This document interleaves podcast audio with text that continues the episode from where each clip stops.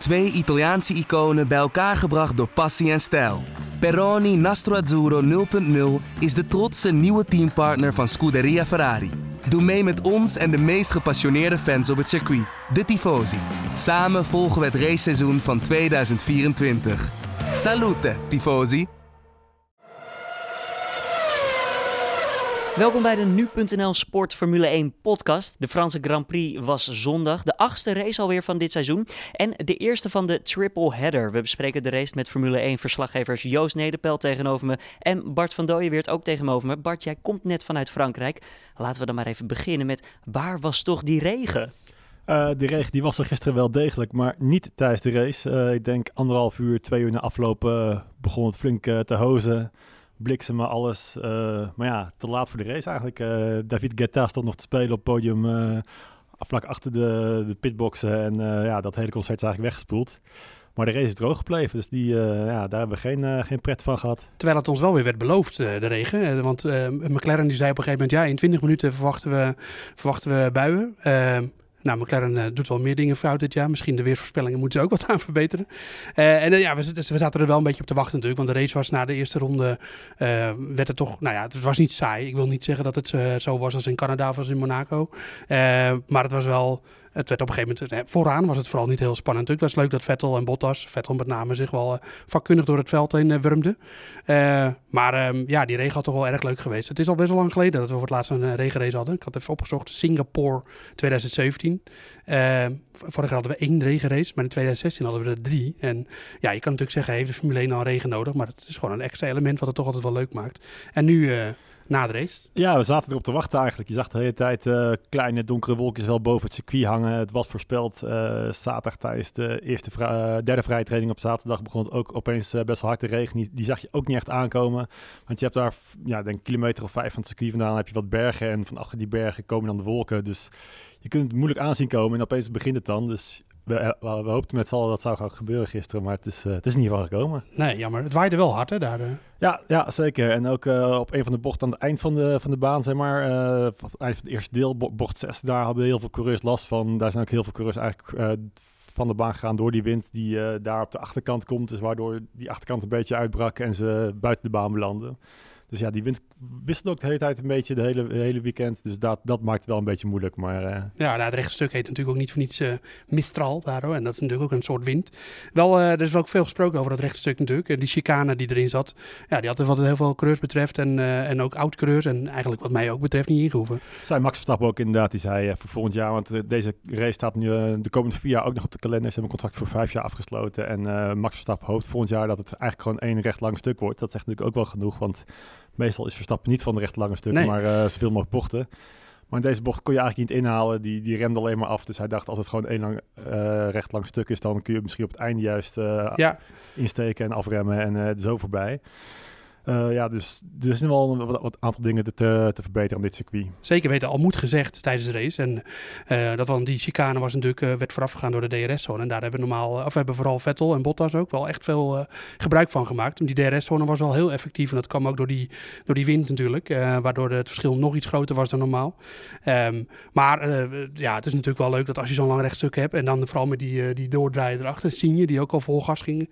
Ja, laat hem dan gewoon eruit hier. Want Vettel zagen we zelfs in de vrije training één keer de verkeerde chicane bijna nemen. Want het was, ja, het was wel... Uh, het was een klein doolhof bijna, hè? Ja. met, die, met al die strepen en die... Uh, ja, je moest goed uh, opletten welke streep je moest nemen. Ja, precies. Volgens, volgens mij waren er iets van 160 verschillende layouts mogelijk op Paul Ricard. En nou ja, dus hadden deze gekozen. Over die strepen gesproken. Het was schuurpapier op de grond, maar daar merkte hij vrij weinig van volgens mij. Er werd een paar keer werd een streepje meegenomen. Iedereen reed gewoon door. Het werd niet een extra bandenwissel meteen daarna. Nee, het, was, het is eigenlijk gewoon vertragend asfalt. Dus je kunt, als je erop komt, dan word je wel wat afgeremd. Maar je hebt niet dusdanig nadeel van dat je enorm veel uh, tijdverlies uh, leidt. En het is natuurlijk niet super goed voor je banden, maar ook niet uh, dramatisch of zo. Dat het niet helemaal afremmend is, dat bewees Stroll onder meer. En, en Grosjean natuurlijk. Ja, ja, de, de konden, konden we op rekenen. Die wilde toch even testen hoe, in hoeverre dat nou echt afremt, dat asfalt. Die gleden er echt heel mooi vanaf. Um, en de kwalificatie zelf, nou ja, bewees eigenlijk ook wel dat Mercedes hier met die motorupgrade wel echt het, het sterkst voor de dag kwam. Hè? Ja, zeker. Want zowel Bottas als Hamilton op 1 en 2 reden allebei eigenlijk geen perfecte ronde, de laatste ronde kwalificatie. En toch, uh, toch Pol en, uh, en nummer 2, dus Bottas. En ja, dat zegt wel uh, genoeg dat ze toch weer heel sterk zijn nu. Uh, drie nieuwe motoronderdelen in Frankrijk erin gelegd. En uh, ja, echt het hele weekend dominant geweest zoals we eigenlijk kennen van de laatste vier jaar. En dan stond Ferrari ook nog eens op de Ultrasoft erachter. En die konden toch ja, uiteindelijk de snellere band, zou je zeggen. En die konden het niet, niet bolwerken.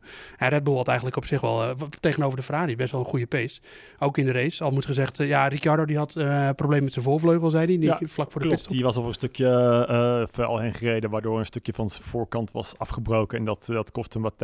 En bovendien had hij ook wat meer uh, downforce dan Verstappen, uh, waarmee hij eigenlijk een beetje hoopte op regen en daardoor ja. het droog bleef, uh, ja, niet zo snel als Verstappen. Ja, had eigenlijk geen schijnvakantie tegen, tegen Rijkonen die erachter kwam natuurlijk. Wel een interessante strategie die Ferrari hanteerde trouwens, om de, op, op de Ultrasoft te beginnen. En Rijkonen reed extreem lang door op de, op de Ultrasoft. Ik ben wel benieuwd of dat aanvankelijk ook het idee was geweest bij Vettel. Of die ook zo lang zou rijden op de Ultrasoft en dan naar de Supersofts.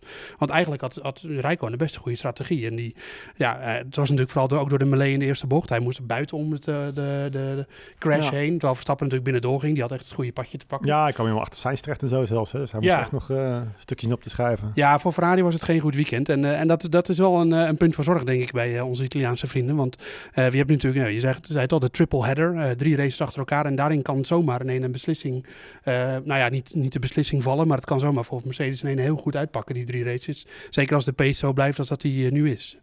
Ja, dat zou me helemaal niks verbazen. Uh, we gaan komende zondag naar Oostenrijk en de week erop is uh, Groot-Brittannië. Dan hebben we één weekje rust en dan uh, komen er nog twee races aan, Duitsland en Hongarije. En ja, tot nu toe was het heel spannend in de WK-stand. tot afgelopen weekend stond Vettel één puntje voor. Nu ja. heeft Hamilton de voorsprong te pakken. En ja, als hij in de komende races nog meer punten gaat pakken, nog meer uitlopen, dan we hem voor entscheiding te pakken. Ja, en er moet ook nog even benoemd worden die, dat loopvlak van de, van de banden die Pirelli voor deze race, voor Barcelona, deze race en voor Silverstone heeft met 0,4 mm dunner loopvlak. Ja, dat was er ook een beetje op verzoek van, Barcelona, van, van Mercedes. moet gezegd, die banden waren er in Barcelona, daar was Mercedes dominant. Ze waren er nu Mercedes dominant. Ik weet niet of het een 1 en 1 2 is, maar uh, als het op Silverstone weer helemaal het geval is dat uh, Mercedes vooraan rijdt, dan uh, zou je misschien wat vraagtekens kunnen gaan krijgen. Ja, Max Verstappen zei 0,4 mm. Ik merk het verschil niet. Dus nee. het is maar de vraag. ja, ja, of het effect heeft inderdaad. Ja, het is voor Ferrari in ieder geval iets om naar te wijzen. Maar de kans dat Silverstone weer een Hamilton feestje wordt, is sowieso natuurlijk groot. Want die, ja, die winnen er eigenlijk altijd. Um, dan moeten we even door naar de Verstappen en zijn uitspraken na de race, de persconferentie. Hoe was de sfeer in de persconferentie? Um, nou, het was al een van de eerste vragen eigenlijk uh, waar je op doelt. En uh, de vraag was eigenlijk alle drie de coureurs die op het podium stonden. Dus zowel Hamilton, uh, Verstappen als Rijkonen. En ze vroegen natuurlijk naar het moment van de race eigenlijk in de eerste ronde Vettel die achterop bij Bottas knalt, wat ze daarvan vonden. Nou ja, Rijkonen, teamgenoot van Vettel, uh, Hamilton, teamgenoot van Bottas, die, die uh, hield zich eigenlijk een beetje op de vlakte. En Verstappen die mocht als derde antwoord geven. En hij had dus tijd genoeg om, uh, om na te denken. Ja. En je zag hem eigenlijk al een beetje genieten voordat hij antwoord ging geven. Je zag al die ogen een beetje glinsteren van nu gaat het komen. En het was meteen van, het is belachelijk, het is schandalig, het is eh, hoe zei je het letterlijk? Het, uh, het kon echt niet wat, uh, wat Vettel gedaan nee, heeft. Nee, hij moet zijn aanpak veranderen. Ja, ja. Jullie, jullie moeten hem vragen dat zijn aanpak moet veranderen. Want ja. dit, dit, kan zo niet. dit is veel te gevaarlijk. Yeah, I think next time you, you see Seb, you should ask him to change his style. You know, because honestly, it, it's not acceptable. That's what they said to me in the beginning of the season. So I think they should do the same. and then, of course, Seb shouldn't do anything and just drive again and learn from this and go on. That's my advice to everyone in this room. Dat, dat, was natuurlijk gewoon een sneer naar enkele journalisten die hem bijvoorbeeld in Canada zo hadden aangepakt. Uh, die maar door bleven vragen over die, uh, die rijstijl van hem. Ja. Uh, waarop Verstappen toen zelfs zei van, ook een beetje voor de grap van als je nou niet ophoudt, dan, dan geef ik de volgende journalist een kopstoot. Ja. Dus die kritiek heeft toch wel iets met hem gedaan. Ook al zegt hij zelf ik, want hij uh, komt nu zelf eigenlijk ook weer mee. Ik kon het toch niet laten. Niemand vroeg naar. nee, nee. Hij had nu gewoon zelf een prima weekend gereden. Foutloos weekend. Eén uh, keer een training in buiten. Dat is het enige geweest. Maar ja. prima weekend, niks op aan te merken. En dan toch, uh, raakt het zelf toch even op. Moet je toch even een trapje nageven aan die, aan die journalist. Dan kan hij toch niet zeggen dat het hem niks gedaan heeft. dat, die indruk wilde hij wel wekken. Maar in, in Canada natuurlijk wel een beetje bouwde uitspraak. Ook al was het met een knipoog. En het, het was zeker met een knipoog. Dat moeten mensen niet serieus nemen. Maar hij komt er wel zelf mee natuurlijk. En nu ook. Dan raakt hij erop. Dus Dus ja, ik kan niet meer zeggen van het doet me niks, die vragen. Maar verder inderdaad, ja, het was wel een beetje een, eh, kunnen we wel opzeggen, zeggen van, uh, spreken van een wederopstanding van het seizoen van Verstappen nu. Uh, drie podiums in vier races, gaat hartstikke goed. Hij is een blazoen aardig aan het oppoetsen. ja, de laatste, laatste vier races buiten Monaco gingen allemaal best prima. Gewoon mooie podiumplekken, ja, maximaal haalbaar gehad eigenlijk steeds. Ja. Ja, gisteren was echt maximaal haalbaar, want de Mercedes was gewoon te snel.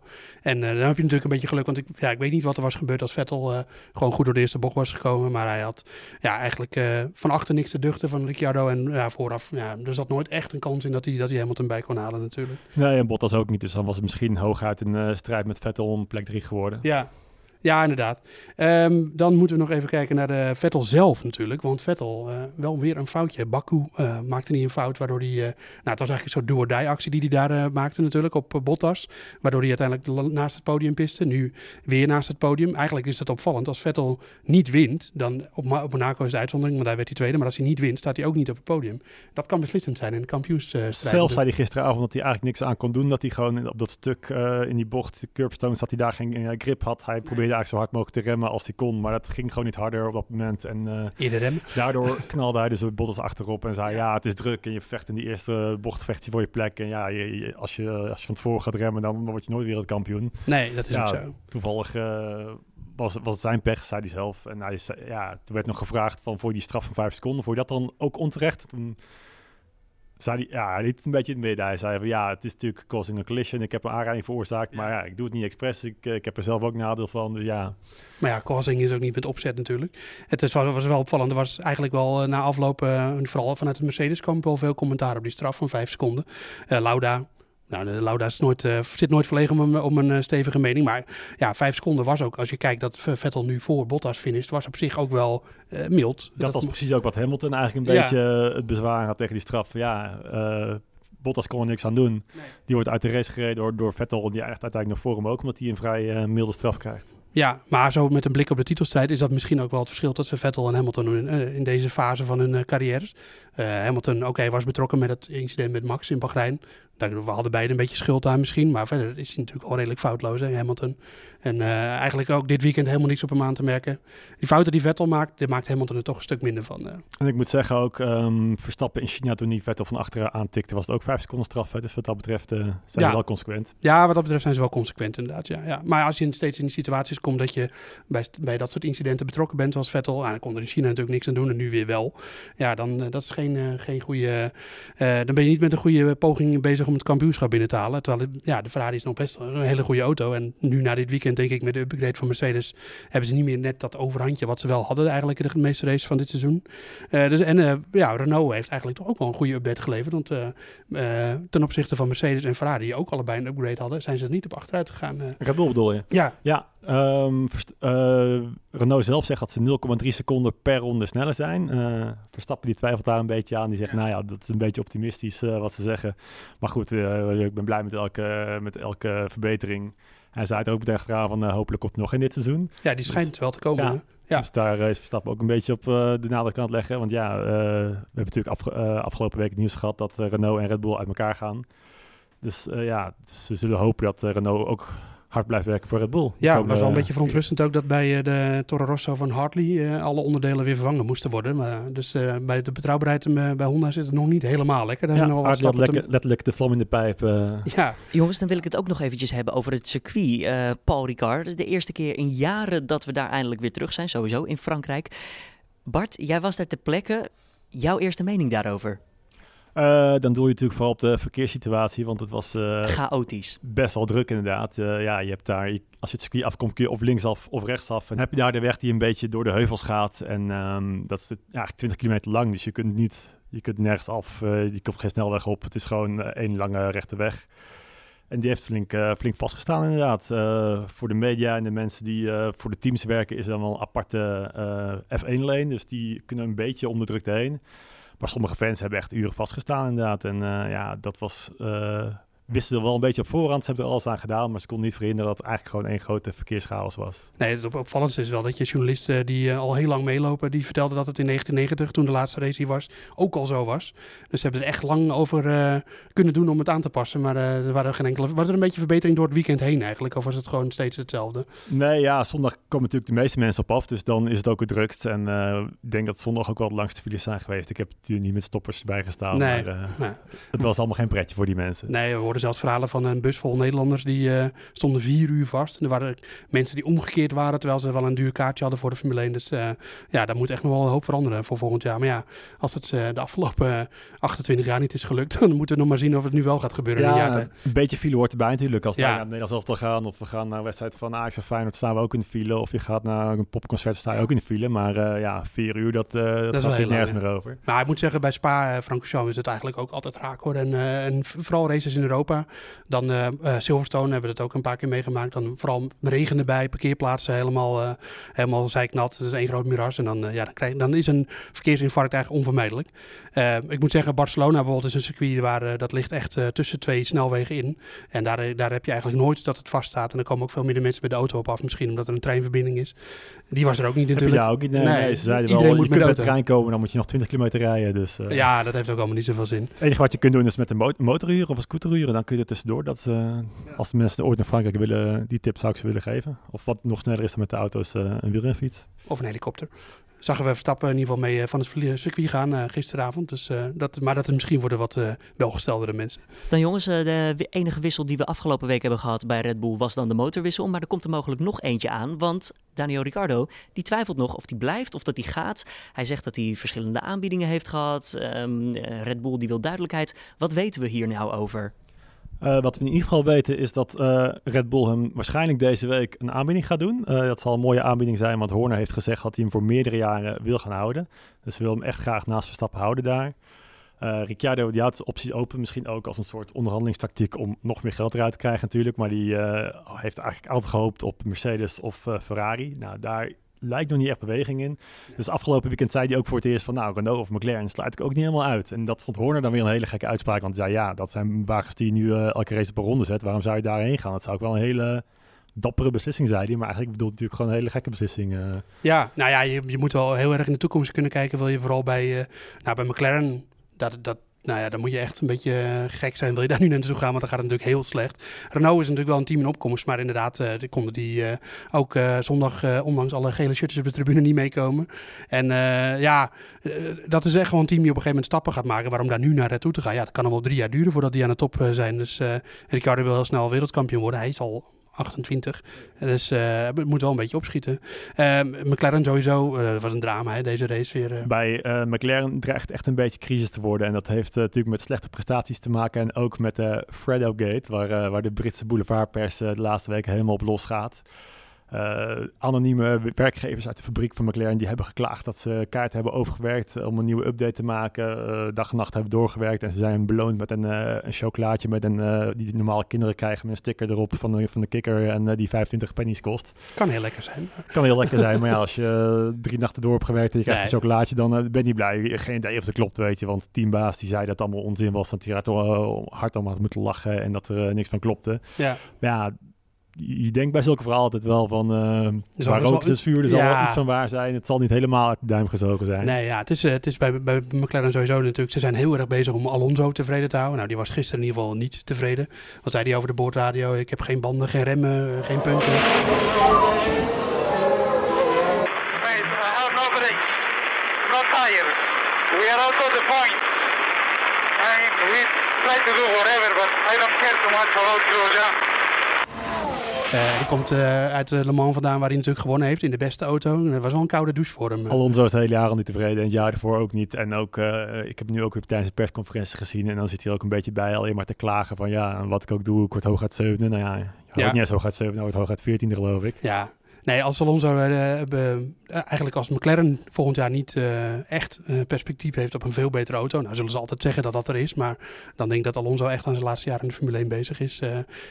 Amerika longt. Het enige wat McLaren op dit moment nog een beetje allure geeft is dat Alonso eruit. Want dat, voor de rest hebben ze ook niks meer.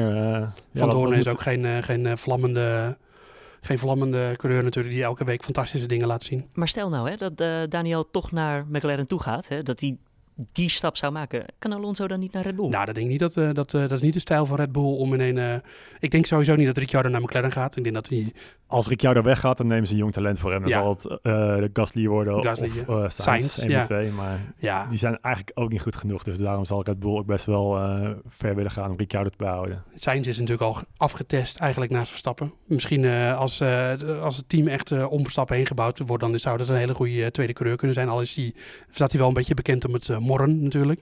En Gasly is een jong talent, kun je het mee proberen. Maar ja, het, zal Red Bull echt veel aan gelegen zijn om Ricciardo in huis te halen. Al moet gezegd, Red Bull is niet een, het team wat echt heel erg veel betaalt normaal gesproken qua salarissen. De salarissen die Hamilton vangt bij Mercedes of bij Alonso bij McLaren vangt, dat gaan ze echt niet betalen bij, uh, bij uh, Red Bull. En uh, ja, dat neemt natuurlijk wel als je twee want Verstappen heeft nu een nieuw contract en die krijgt al best wel veel. Als je twee van dat soort contracten hebt, dan, dan drukt dat wel redelijk op de begroting. Dat is ook de reden waarom Ferrari misschien wel echt met Leclerc nou, los van dat, het is een hele goede kleur, maar uh, in, uh, in zee moet gaan. Want dan, die hoef je niet zo heel veel te betalen. Rijkonen, daar reken maar dat die de hoofdprijs hebben, vangt nu bij Ferrari. En daar krijgen ze heel weinig voor terug. Nou ja, podiumpjes, maar nooit een overwinning in ieder geval. We hadden het al eventjes genoemd natuurlijk, die triple header. Drie wedstrijden, drie races achter elkaar. Dit was de eerste. Bart, uh, jij was bij de persconferentie. Heeft Verstappen al iets genoemd over Oostenrijk die er volgend weekend aan zit te komen? ja, het is natuurlijk de thuisrace van Red Bull daar in Oostenrijk. Het heet ook de Red Bull Ring. En ze hebben de afgelopen twee jaar hebben ze daar uh, telkens het podium gehaald. Dus sinds Verstappen daar rijdt, elke keer podium. Zelf in 2016 tweede geworden. Ricciardo vorig jaar derde. Toen uh, viel Max uh, vroeg uit. Dus ja, wat dat betreft is het, het is geen supergoeie baan voor ze, maar ze kunnen er wel wat. Het is wel een heuvelachtig circuit en dat is met die downforce die ze hebben, helpt het wel een beetje. Nou ja, er zitten wel een paar lange doordraaiers in die, die voor de Red Bull wel geschikt zijn. Maar ja, als Mercedes deze vorm blijft houden, dan zijn ze denk ik ook daar on onklopbaar. Want je hebt gewoon heel veel motorvermogen nodig. Nou, dat hebben ze. En voor Verstappen natuurlijk ook extra leuk, want er is daar weer zo'n oranje tribune. Je ziet die, na de eerste bocht heb je zo'n lang rechtstuk en daar is altijd zo'n hele oranje zee in Oostenrijk. Dus dat is ook wel leuk voor hem om naar uit te kijken. En daarna Silverstone, nou, dat is altijd wel een van de parels op de kalender. Wordt wel heel belangrijk voor, voor, ik denk dat het voor Ferrari vooral echt de komende twee weken, nou ja, wat, ik al zei, echt heel belangrijk blijft om aan te haken bij, bij Mercedes. Want anders dan is het is Hamilton uitzicht en dan ja, krijg je hem ook nooit meer terug. Vettel eigenlijk alleen, hè? want Rijkonen die doet ja. dan niet meer mee natuurlijk. Nee. Dus ja, Vettel moet wel echt weer een keer keer boven hem te gaan eindigen, anders is het eigenlijk al een beetje over. Ja, vorig jaar Vettel hier tweede in Oostenrijk. Uh, na die uh, superstart van uh, Bottas, waarvan iedereen dacht dat het een valse start was. inclusief Vettel vooral, maar dat was geen valse start. ja, het, wordt, dus dat, het, het zijn echt, echt wel belangrijke races in het seizoen. om, om, om vooral in het, met zicht op de, de wereldtitel, wie die uiteindelijk gaat pakken. Zie je Ferrari er vooraan om uh, Rijkonen een teamorder te geven van, weet je, bij jou doet het er niet zo heel veel toe. Als het kan, ram hem in Hamilton. Nee. Nee, nee, nee, nee, nee, Ik bedoel, ja, we hebben het in het verleden ook gezien, toch? Ja, dat, ze in dat is al heel lang geleden dat ja. dat uh, voor het laatste... Nee, nee, echt niet. Nee. Dat was uh, Schumacher en Damon Hill bedoel je? Ja, en dat was nog bij elkaar. Maar dat is teamgenoten... Nou, het, het is wel eens gebeurd. Volgens mij is het ooit een keer in Mexico gebeurd. Ook met Ferrari trouwens. Maar, uh, maar dat was echt in de jaren zestig. Maar vergeet het maar, dat gaat echt niet gebeuren. Maar ik, ik snap je, je Hollywood scenario. het zou heel erg mooi zijn, maar nee, dat gaat echt niet gebeuren. Nee. Dankjewel Joost Nederpelt. Dankjewel Bart van Dooyeweert. Dit was dan weer de Nu Sport Formule 1 podcast van deze week van de Grand Prix van Frankrijk. Zondag 1 juli wordt er gereden in Oostenrijk op de Red Bull Ring. En dan zal de maandag daarna uiteraard weer een nieuwe Nu Sport Formule 1 podcast te horen zijn op nu.nl.